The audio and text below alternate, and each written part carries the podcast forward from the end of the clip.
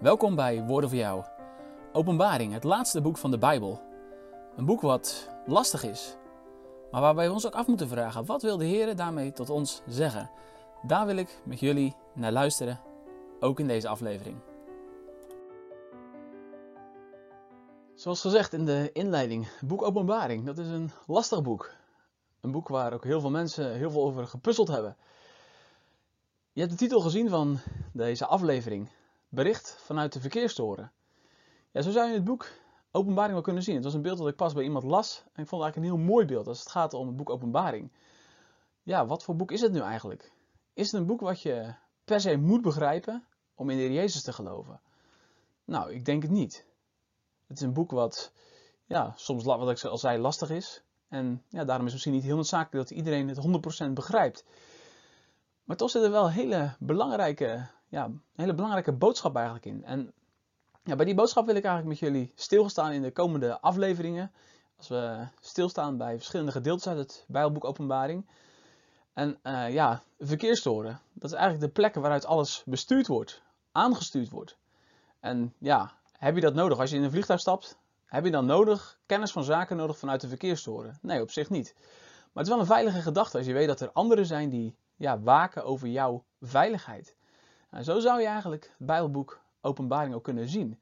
Daar lees je eigenlijk hoe er vanuit de verkeerstoren gekeken wordt naar deze wereld. En je zult wel begrijpen, de verkeerstoren is dan de hemel, de plaats waar de Heer woont. En van daaruit kijkt hij eigenlijk hoe alles gaat. En heeft hij ook de regie. Als er dingen misgaan, kan hij ingrijpen. Hij kan eh, mensen de goede kant op sturen. net zoals een verkeersleider in een verkeerstoren Ehm, ja, vliegtuigen, piloten kan waarschuwen als er iets misdreigt te gaan. Of ze de goede kant op wijzen. Zeggen wat ze moeten doen als ja, dingen niet uh, goed gaan. Uh, en zo kunnen we ook inderdaad het Bijbelboek Openbaring zien als een bericht vanuit de verkeerstoren. Waarin ja, de Heer ons eigenlijk vertelt wat er gebeurt en hoe het gebeurt. En ook om ons richting te geven. Nou, en ik denk niet dat het Bijbelboek een soort van script is waarin precies verteld staat wat er allemaal gaat gebeuren. Eh, maar dat zal al gaandeweg wel eh, duidelijk worden. Uh, er zullen ongetwijfeld mensen zijn die ja, wel heel precieze ideeën hebben als het gaat om Bijbelboek Openbaring. ik probeer vooral zoveel mogelijk te kijken van wat heeft Johannes nu eigenlijk gezien en hoe heeft hij dat zelf verstaan? Hè? Hoe heeft hij dat zelf begrepen? Nou, dat is eigenlijk waar ik ja, met jullie naar wil gaan kijken in deze afleveringen rond het boek Openbaring. En ik wil met jullie het eerste stuk gaan lezen, Openbaringen 1, vers 1 tot 3. De openbaring van Jezus Christus, die God hem gegeven heeft, om zijn dienstknechten te tonen de dingen die haast geschieden moeten. En die hij door zijn engel gezonden en zijn dienstknecht Johannes te kennen gegeven heeft. Die het woord van God betuigd heeft en de getuigenis van Jezus Christus en al wat hij gezien heeft. Zalig is hij die leest en zij zij die de woord, horen de woorden van deze profetie en die bewaren wat in dezelfde geschreven is want de tijd is nabij. Nou, dit is een stukje waar ik eh, vandaag met jullie bij stil wil staan. Ja, en het eerste wat eh, opvalt in het eh, Bijbelboek Openbaring, is dat het een openbaring genoemd wordt. Ja, sommige mensen zien het als een soort van puzzelboek, waarbij ze proberen zoveel mogelijk andere Bijbelteksten er ook bij te vinden en ja, allerlei ingewikkelde theorieën erop na te houden. ja, dan lijkt het bijna een geheimboek, waarin alleen maar geheimen staan. Maar het is juist een openbaring, een bekendmaken. alsof, alsof het ware, alsof het ja, een doek wordt weggehaald van de toekomst. De toekomst is niet onzeker, het is niet onduidelijk hoe het af gaat lopen met deze wereld. Het is eigenlijk heel duidelijk. Het lam zal overwinnen. Dat is eigenlijk de boodschap van het boek Openbaring. En openbaring is dus inderdaad bekendmaken. Nou, en hoe gaat dat bekendmaken? Er zit eigenlijk een heel aantal stappen in. Uh, dat begint eigenlijk met, nou, dus wordt de openbaring van Jezus Christus genoemd. Maar die heeft de openbaring weer gekregen van God. Dus dat is de eerste stap. God geeft het aan Jezus Christus. En Jezus Christus, die geeft het aan zijn dienstknechten. En dat laat dus zien inderdaad de eerste stap zou je kunnen zeggen. God geeft het aan Jezus Christus. Jezus Christus geeft het aan zijn dienstknechten. Nou, en hoe gaat het dan? Dat geven aan die dienstknechten, dat blijkt eigenlijk het vervolg van vers 1. Daar staat namelijk die hij, dus dat is Jezus Christus, gezonden heeft door zijn engel. Dus de engel die brengt het bij de mensen. En dat is inderdaad het laatste stukje van vers 1. aan zijn dienstknecht Johannes. Dus dat kun je ook weer uh, samenvatten. Jezus Christus, die geeft zijn boodschap aan zijn dienstknecht Johannes door middel van zijn engel.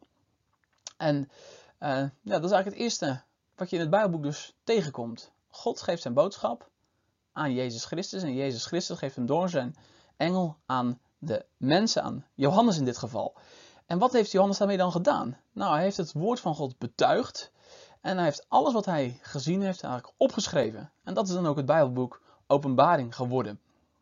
Nou, je ziet in het Bijbelboek Openbaring heel vaak dat er herhalingen uh, voorkomen. En uh, ja, een van die herhalingen wil ik je nu ook laten zien. Dat is namelijk het einde van het Bijbelboek. Openbaring 22, vers uh, eh, 8 tot 9. Daar zie je eigenlijk terugkomen wat je ook in vers 1 terugziet. Daar staat namelijk het volgende.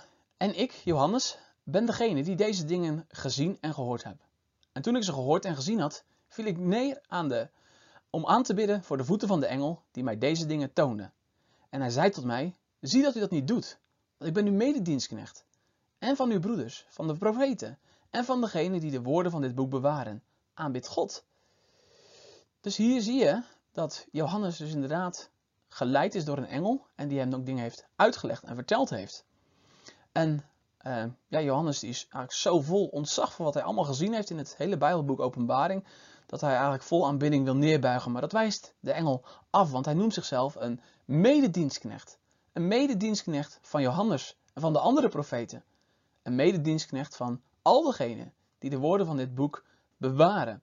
En ze worden allemaal opgeroepen om God te aanbidden. En dus niet een engel.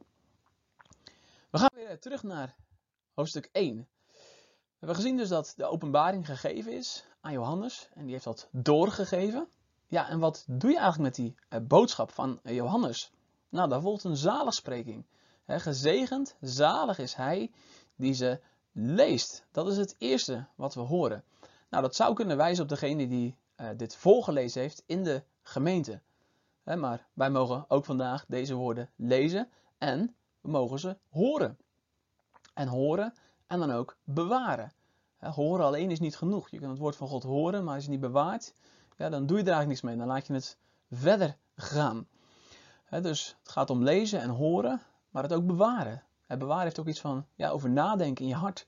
Er ja, langzaam op kouwen. Dat je de boodschap ook toepast in je eigen leven. Want het boek Openbaring heeft een boodschap. Eh, want, en dat is het laatste gedeelte van vers 3, eh, de tijd is nabij. En hij heeft al eerder gezegd in vers 1, de dingen die haast geschieden moeten. Het Bijbelboek Openbaring is niet een soort van, tenminste zo zie ik het niet, een soort van uh, ja, geschiedenisboek over de toekomst. Nee, het gaat niet alleen maar over allerlei concrete, precieze gebeurtenissen. Er zijn ook mensen die zeggen: kijk, uh, wat we vandaag meemaken, dat kun je daar en daar teruglezen in het boek Openbaring. Of dat is voorspeld in het boek Openbaring. Misschien dat laatste nog wel meer, dat het echt precies voorspeld is. Nou, het zijn eigenlijk meer patronen die eigenlijk de hele geschiedenis doorgaan. Waarbij inderdaad ja, allerlei rampen en ook eh, een crisis, waar we vandaag de dag in zitten, ja, terugkomen. Het zijn eigenlijk terugkerende patronen. En ze worden wel steeds intenser. En je zou wel kunnen zeggen, de Heer Jezus komt inderdaad dichterbij. En dat is ook wat Johannes eh, de mensen meegeeft, want de tijd is nabij. En dat zien we ook weer terugkomen aan het eind van het Bijbelboek, in hoofdstuk 22, vers 9 en 10. Daar zie je eigenlijk dezelfde twee dingen terugkomen, die ook aan het eh, begin stonden. Namelijk zalig, die de woorden van dit boek bewaren. Want die zijn mededienstknecht van de engel. En ook de tijd die nabij is. Dat zinnetje komt er twee keer voor in het boek Openbaring, namelijk in vers 3 en in hoofdstuk 22, vers 10. Dus dat laat echt zien dat uh, dat begin en het einde heel erg op elkaar aansluiten. En met een technisch woord noem je dat uh, inclusio. Zo'n inclusio ja, zou eigenlijk kunnen vergelijken met aanhalingstekens. En aanhalingstekens open, openen, dan weet je, daar begint het. En met aanhalingstekens sluiten, weet je, daar eindigt het citaat. Nou, zo weet je ook dat bij hoofdstuk 1 het boek begint en met hoofdstuk 22 eindigt het. Dat was ook een soort van signaal in die tijd voor de luisteraars van zo'n Bijbelboek. Nou, de tijd is nabij. De Heer Jezus komt eraan. Daar hoeven we niet over te twijfelen. Want ook al weten wij niet de precieze invulling van de geschiedenis, we weten wel dat het script geschreven is. Om met andere woorden te zeggen, de verkeersleiding die weet wat er gebeurt. De verkeersleiding heeft de regie over wat er gebeurt in deze wereld. Nou, tot zover deze, de eerste, eerste gedachte over openbaring. En ik wil uh, dit dan ook afsluiten met een gebed. Heer Jezus, u hebt het boek Openbaring gegeven. Als bekendmaking, als troost ook, dat deze wereld in uw handen is. En dat deze wereld veilig is in uw handen. En mogen we daar ons dan ook aan toevertrouwen. Wetend ook dat de dingen die gebeuren, snel zullen gebeuren, want u zult wederkomen. Mogen we daar dan ook met verlangen naar uitzien. Als we dat verlangen niet kennen, werkt u het in ons. Als het verlangen wel mag zijn, wilt u dat dan wakker houden en aanwakkeren. Iedere keer weer. Dat bidden we u in Jezus' naam. Amen. Tot zover deze aflevering van Woorden voor jou. Tot de volgende keer.